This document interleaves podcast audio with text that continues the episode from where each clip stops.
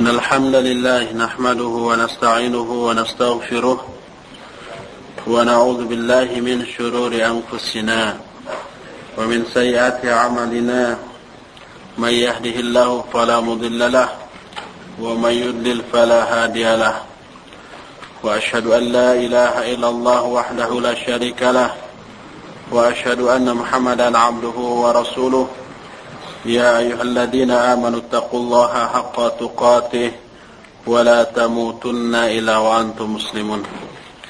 أما بعد فإن أصدق الحديث كتاب الله وخير الهدي هدي محمد صلى الله عليه وسلم وشر الأمور محدثاتها وكل محدثة بدعة وكل بدعة ضلالة وكل ضلالة في النار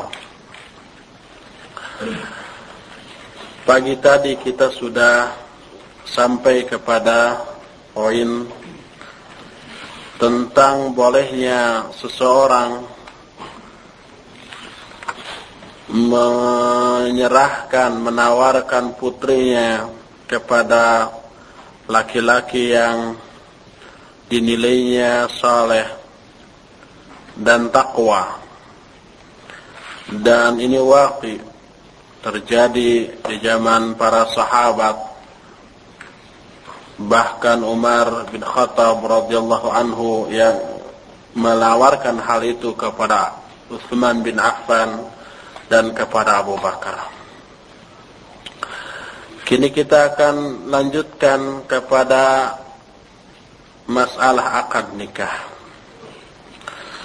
ويستحب أن تقال خطبة الحاجة بين يدي العقد فإن ذلك من السنة disunnahkan untuk mengatakan khutbah hajah, khutbatul hajah sebelum akad karena hal itu termasuk sunnah.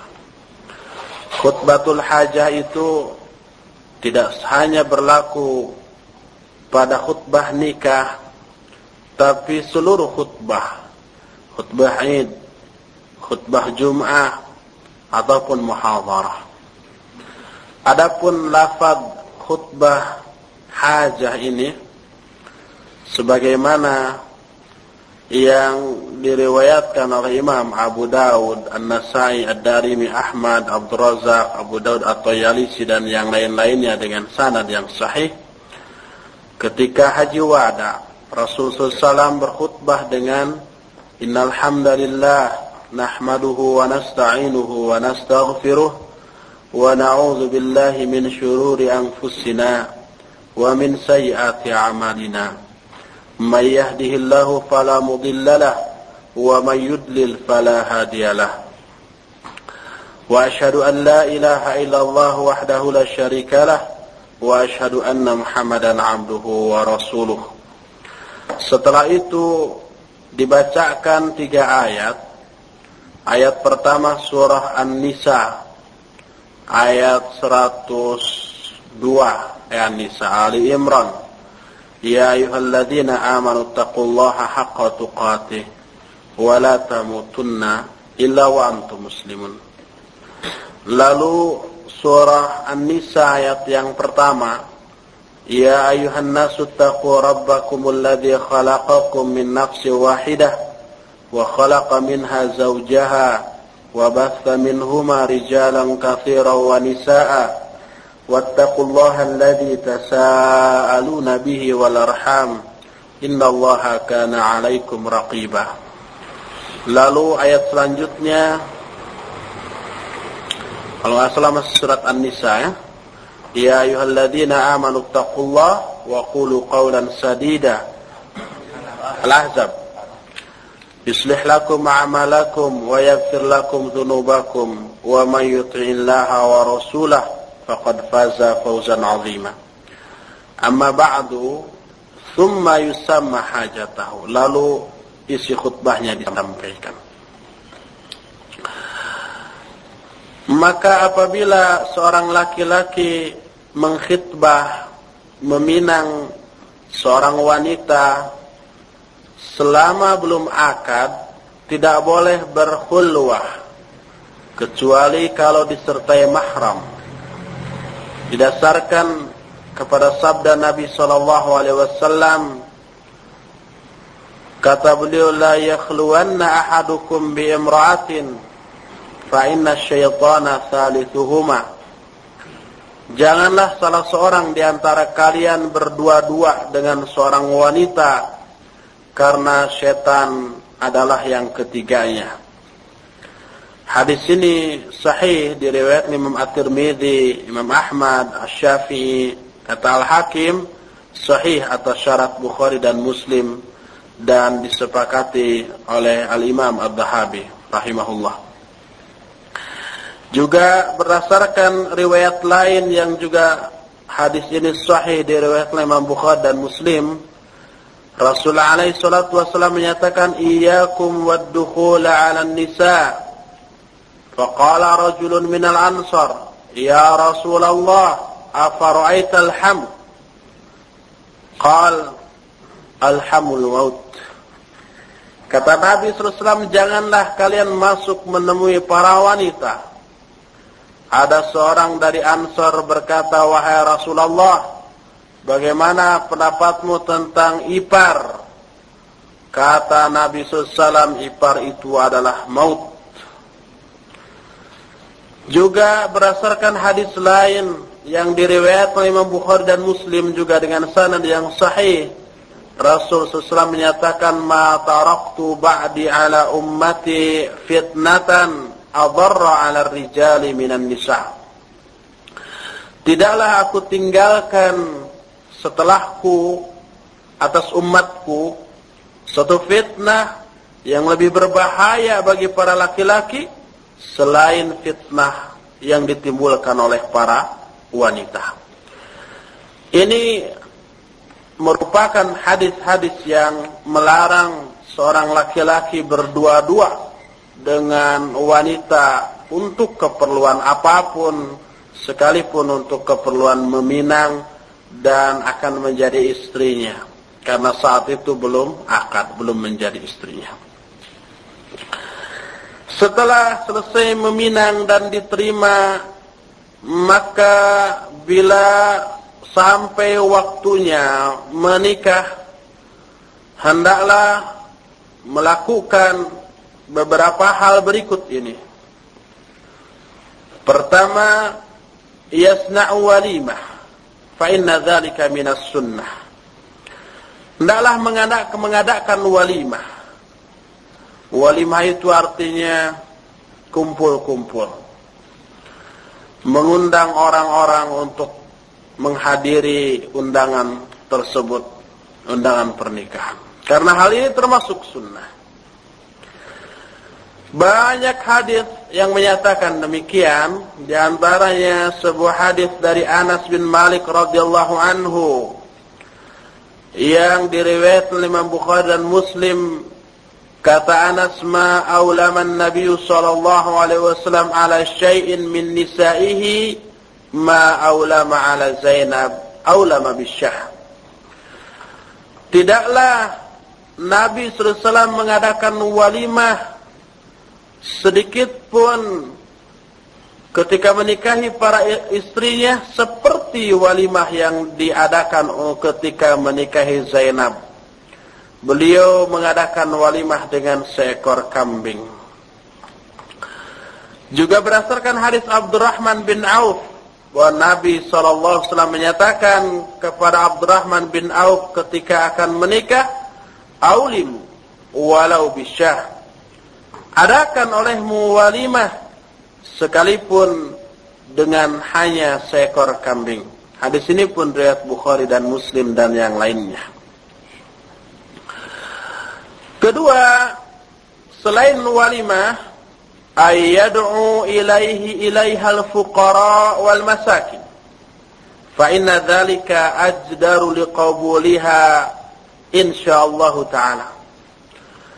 Hendaklah dia mengundang kepada walimah tersebut para fukara dan masakin. Karena hal tersebut lebih pantas untuk diterima oleh mereka. Berdasarkan hadis yang diriwayatkan dari Abu Hurairah radhiyallahu anhu kata Nabi sallallahu alaihi wasallam syarrut ta'ami ta'amul walimah yud'a ilaiha al-aghniya wa yutraqul masakin sejelek-jelek makanan adalah makanan walimah yang ke dalam walimah itu diundang para agnia, para orang kaya, tetapi tidak diundang orang-orang miskin.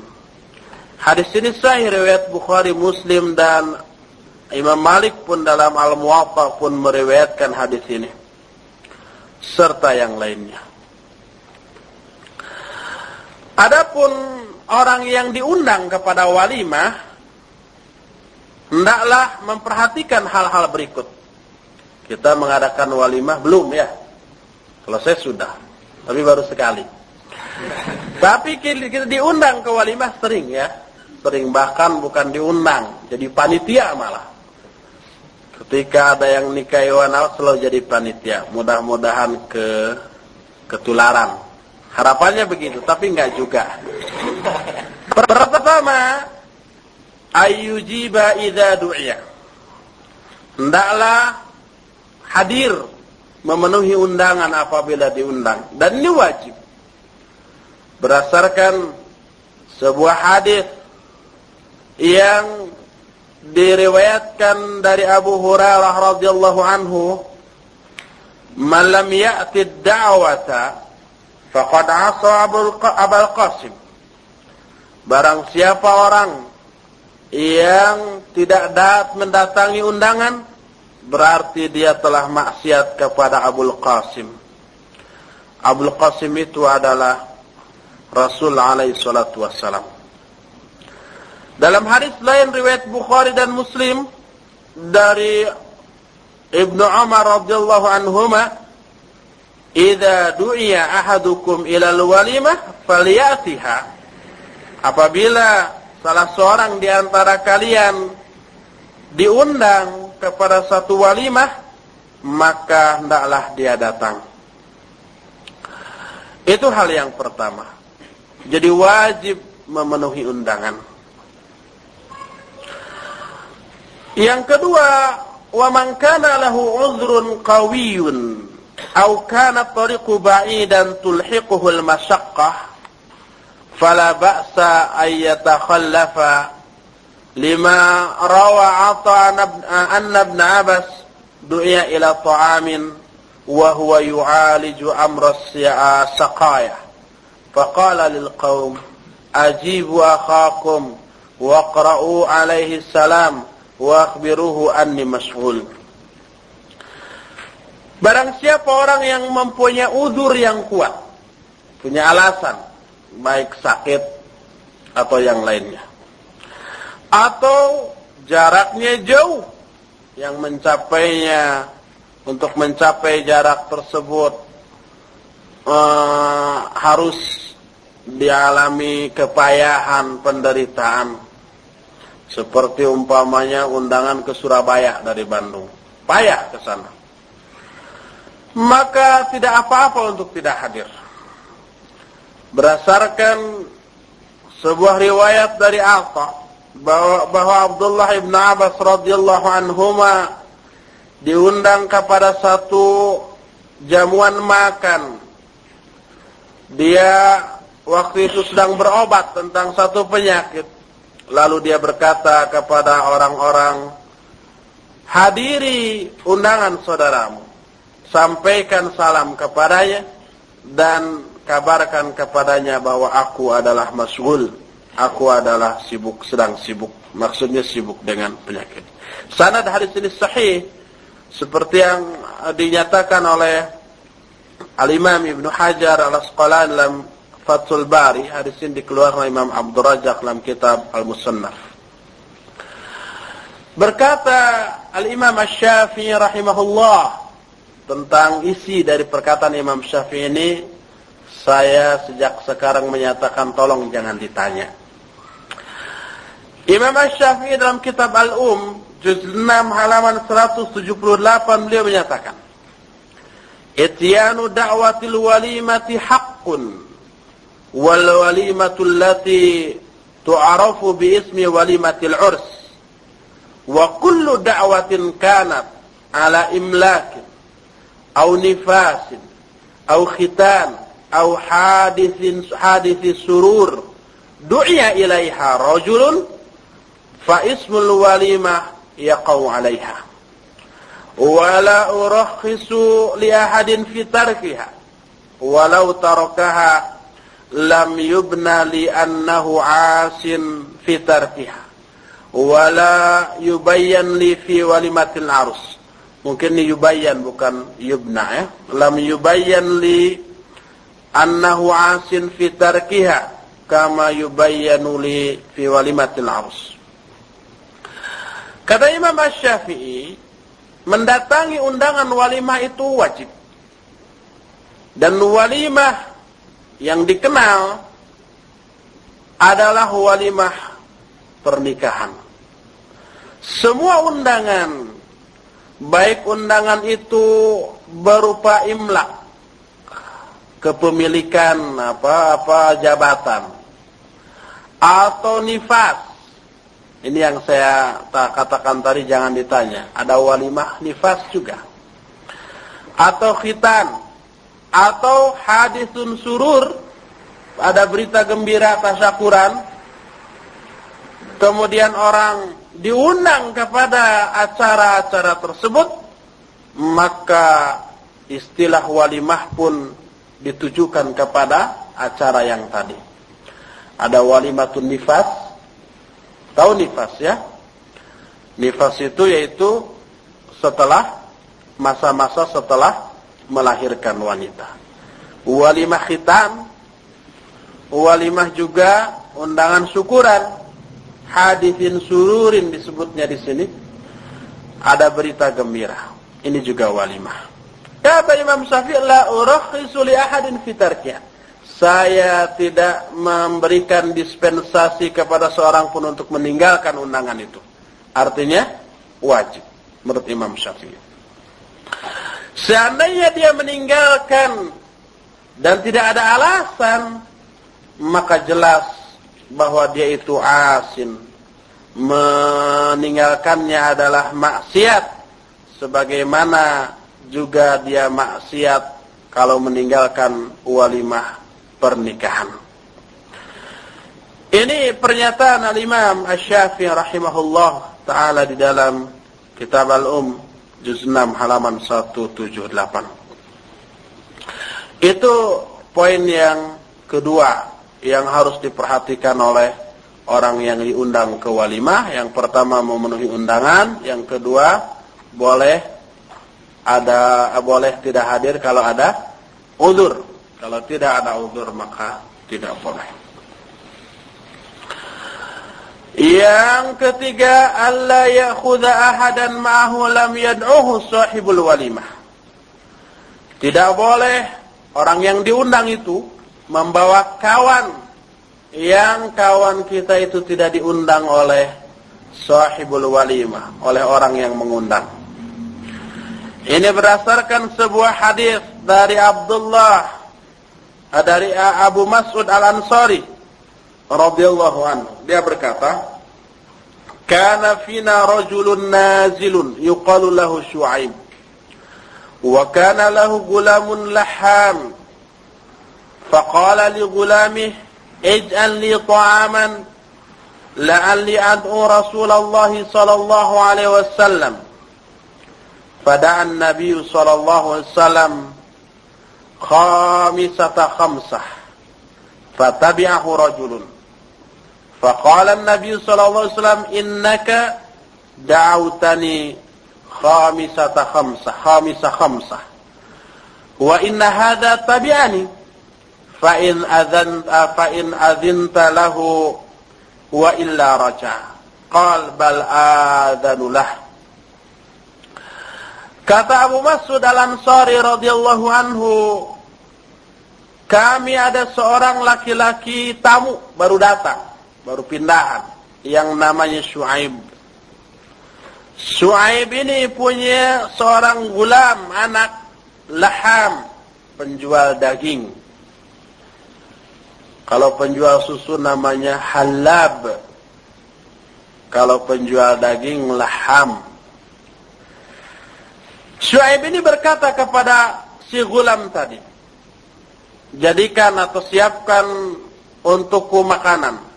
Aku akan mengundang Rasul SAW. Lalu Nabi SAW mengajak lima orang untuk menghadiri undangan itu, undangan makan. Fatabi'ahu rajulun di samping lima orang ini ada orang-orang yang keenam ikut. Orang keenam ini tidak di tidak diundang.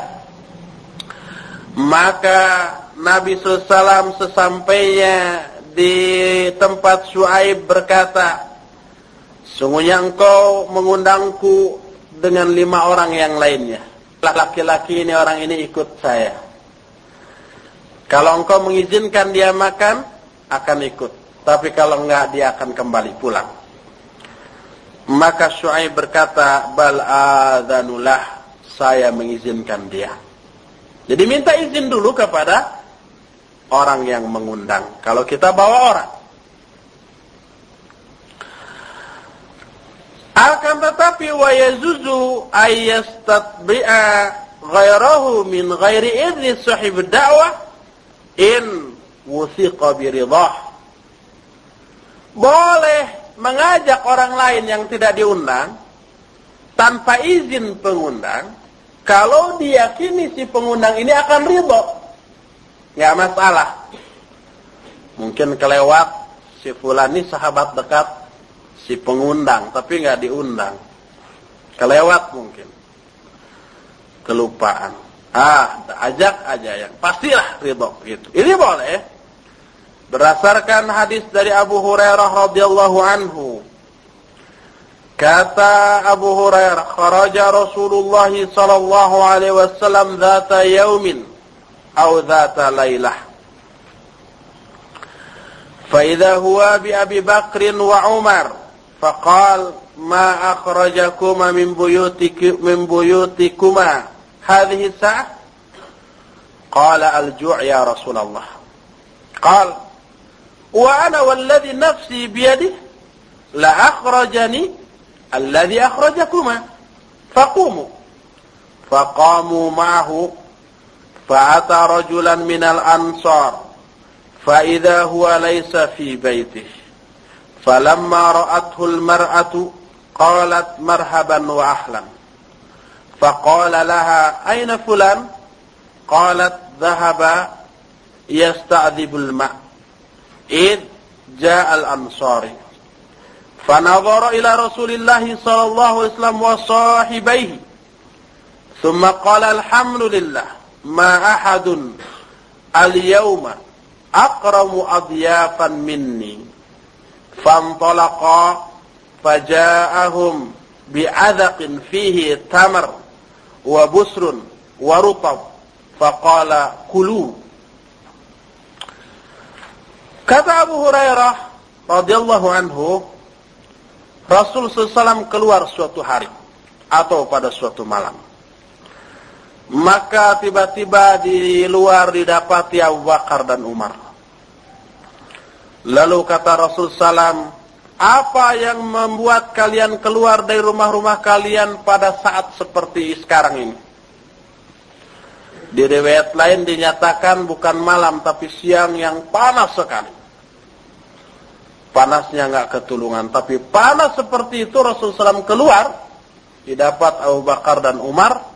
Lalu kata Rasul Salam, apa yang menyebabkan kalian berdua keluar dari rumah-rumah kalian pada saat yang seperti ini, panas sekali. Keduanya Abu Bakar dan Umar menjawab, lapar ya Rasulullah. Kebayang ya, di rumahnya pasti nggak ada makanan tuh. Kalau ada ngapain keluar? Maka Nabi SAW berkata, sedangkan aku demi Allah yang jiwaku ada di dalam tangannya, yang mengeluarkan aku adalah sama yang dengan yang membuat kalian keluar. Apa yang membuat Rasulullah keluar? lapar juga. Maka berdirilah. Maka berilah keduanya. Lalu berserta Rasulullah SAW mendatangi seorang laki-laki Ansor. Maka tiba-tiba laki-laki Ansor itu tidak ada di rumahnya. Bukan tiba-tiba ya. Maka ternyata orang itu tidak ada di rumahnya. Maka ketika istrinya melihat kepada Rasul SAW, istrinya itu berkata, Marhaban wa ahlan. Wilujeng sumping.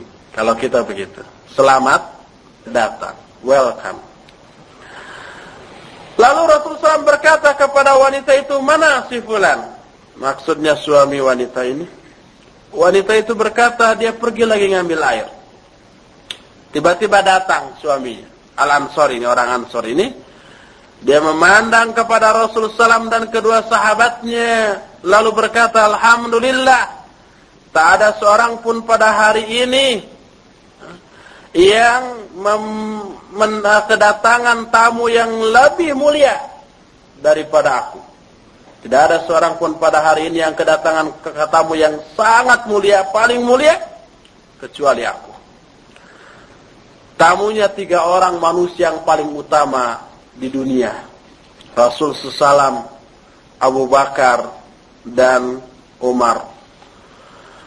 Maka pergilah laki-laki itu ke dalam lalu datang lagi dengan membawa sekantung sebuah wadah yang di dalamnya ada makanan. Ada kurma, ada rutab dan lain-lainnya Lalu kata Rasulullah, makanlah kepada Abu Bakar dan Umar. Para Abu Bakar dan Umar itu tidak diundang. Ini menunjukkan apabila si orang yang mengundang itu yakin kalau orang tersebut yang tidak diundang itu e, datang akan ridho si pengundangnya, maka ini tidak apa-apa. Hadis ini sahih dikeluarkan oleh Imam Muslim dalam kitab Sahih Muslim. Imam Al-Baghawi pun serta Abu Syekh meriwayatkan pula hadis ini. Itu hal yang ketiga. Adapun yang keempat yang harus diperhatikan oleh orang yang diundang adalah wa yarji'u idza. Dia harus pulang kembali kalau dia melihat ada kemungkaran di walimahnya tersebut. Berdasarkan hadis Aisyah radhiyallahu anha, qalat ishtaraitu numruqah fiha tasawir. Falamma ra'aha an-nabiy sallallahu alaihi wasallam qama 'ala al-bab falam yadkhul. فعرفت في وجهه الكراهية فقلت يا رسول الله أتوب إلى الله وإلى رسول الله مما أذنبت. فقال فما بال هذه النمرقة قلت اشتريتها لك تقود عليها؟ وتسودها فقال إن أصحاب هذه السور يعذبون يوم القيامة. فيقال لهم أحيوا ما خلقتم. ثم قال إن البيت الذي فيه السور لا تدخله الملائكة. Kata Aisyah radhiyallahu anha, aku membeli sebuah numruqah, sebuah kain uh, seper, seperti bungkus bantal apa namanya? Sarung bantal yang di dalamnya ada gambar-gambar. Bukan di dalamnya, di di kainnya itu. Maka ketika Nabi SAW melihat, beliau hanya berdiri di pintu dan tidak masuk. Aku mengenal ketidaksukaan pada wajahnya. Kata Aisyah. Lalu aku berkata, wahai Rasulullah, Aku bertobat kepada Allah dan kepada Rasulullah dari dosa yang telah aku perbuat. Maka Nabi SAW menyatakan, apa numrukah ini? kain ini. Aku menjawab, aku membelinya untukmu ya Rasulullah, untuk engkau duduk di atasnya, wa tasawwadaha dan untuk engkau untuk dijadikan bantal. Bantal sandaran bukan bantal untuk tidur. Di kursi-kursi itu kan suka ada wisada, bantal-bantal. Maka Nabi SAW menyatakan sesungguhnya pembuat gambar ini akan diazab pada hari kiamat dan akan dikatakan kepada mereka hidupkan apa yang engkau ciptakan ini. Maksudnya gambar yang makhluk yang bernyawa. Gambar ayam, apalagi gambar orang. Perhatikan bagi yang senang batik, di batik itu suka ada gambar burung, walaupun agak samar ya. Gambar wayang, gambar-gambar kayak gitu. Lalu beliau berkata, sesungguhnya rumah yang di dalamnya ada gambar, maka malaikat tidak akan masuk ke rumah itu. Hadis ini sahih diriwayatkan Imam Bukhari dan Muslim, juga Imam Malik dalam kitab Al-Muwatta Imam Abu Daud At-Tayalisi, Imam Al-Baihaqi, Imam Al-Khatib, Imam Al-Baghawi. Hadis ini dari Aisyah radhiyallahu anha dengan sanad yang sahih. Demikian pula apabila kita menemukan kemungkaran itu di tempat walimah yang kita datangi, baik berupa gambar orang ataupun musik, baik musiknya degung, rock jazz, dangdut, pop, seriosa, keroncong, dan seterusnya. Apalagi kalau ada yang nyanyinya, biduanitanya, dan nyanyinya pasti nggak diam. Ini menunjukkan tidak boleh kita memasuki kita ke tempat seperti itu. Sekalipun kaset ya. Wa yustahabbu ayyadu wal hadirun lil arusain bil barakah disunnahkan agar orang-orang yang hadir ke walimahan itu mendoakan bagi dua orang pengantin ini sepasang pengantin mendoakan barokah kepada orang itu yarhamukallah berdasarkan hadis dari Abu Hurairah radhiyallahu anhu dia berkata kana an-nabiy sallallahu alaihi wasallam idza rafa'a al-insan إذا تزوج قال barakallahu fi wa baraka alaik wa jama'a bainakuma fi khairin.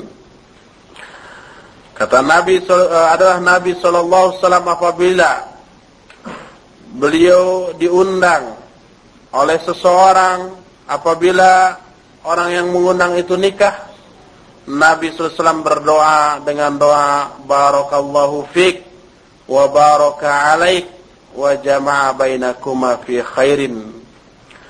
Hadis ini sahih riwayat Imam Abu Daud dan Imam At-Tirmidzi. Kata Imam At-Tirmidzi hadis ini hasan sahih. Juga imam-imam yang lainnya. Juga disunnahkan pada satu walimah dipukul rebana duk karena dalam pemukulan ini ada dua macam faidah. Dipukul rebana pada saat itu. Faidah pertama i'lanun nikah yaitu mengumumkan pernikahan. Yang kedua tatibu khatiril arus menyenangkan hati atau pikiran pengantin. Menghibur. Ini dasarkan kepada sebuah hadis Muhammad bin Hatib radhiyallahu anhu secara marfu. Nabi SAW menyatakan faslu ma bainal halal wal haram ad-duffu was-sautu fin nikah. Perbedaan antara yang halal dan yang haram dalam masalah nikah adalah adanya duf yaitu rebana tadi dan saut saut itu adalah suara Hadis ini sahih riwayat Imam An-Nasai dan At-Tirmidzi kata At-Tirmidzi hadis ini hasan. Tetapi dari jalan An-Nasai, Ahmad, Ibnu Majah dan yang lain-lainnya hadis ini sahih. Kata Al-Hakim sahihul isnad wa wafaqahu Az-Zahabi. Hadis ini sahih sanadnya dan disepakati oleh Imam Az-Zahabi. Yang membedakan halal haramnya pernikahan adalah adanya dua hal yaitu duh e, rebana serta saut suara. Apa yang dimaksud dengan suara? Banyak orang mensalahartikan di uh, apa namanya? Ada yang menyatakan bahwa yang dimaksud dengan suara di sana adalah nyanyian hmm, atau seruling dan seterusnya. Maka mualif menyatakan wa qad istadalla ba'du man la yuhsinu sina'atal ilm al hadis ala tajwi ala tajwizi al-ghina bil alhan liqaulihi fihi as-sawt wa laysa kama qala. Orang-orang yang kurang berilmu berdalil dengan hadis ini tentang bolehnya bernyanyi dengan di bil alham dengan dilagukan dengan di alham itu nada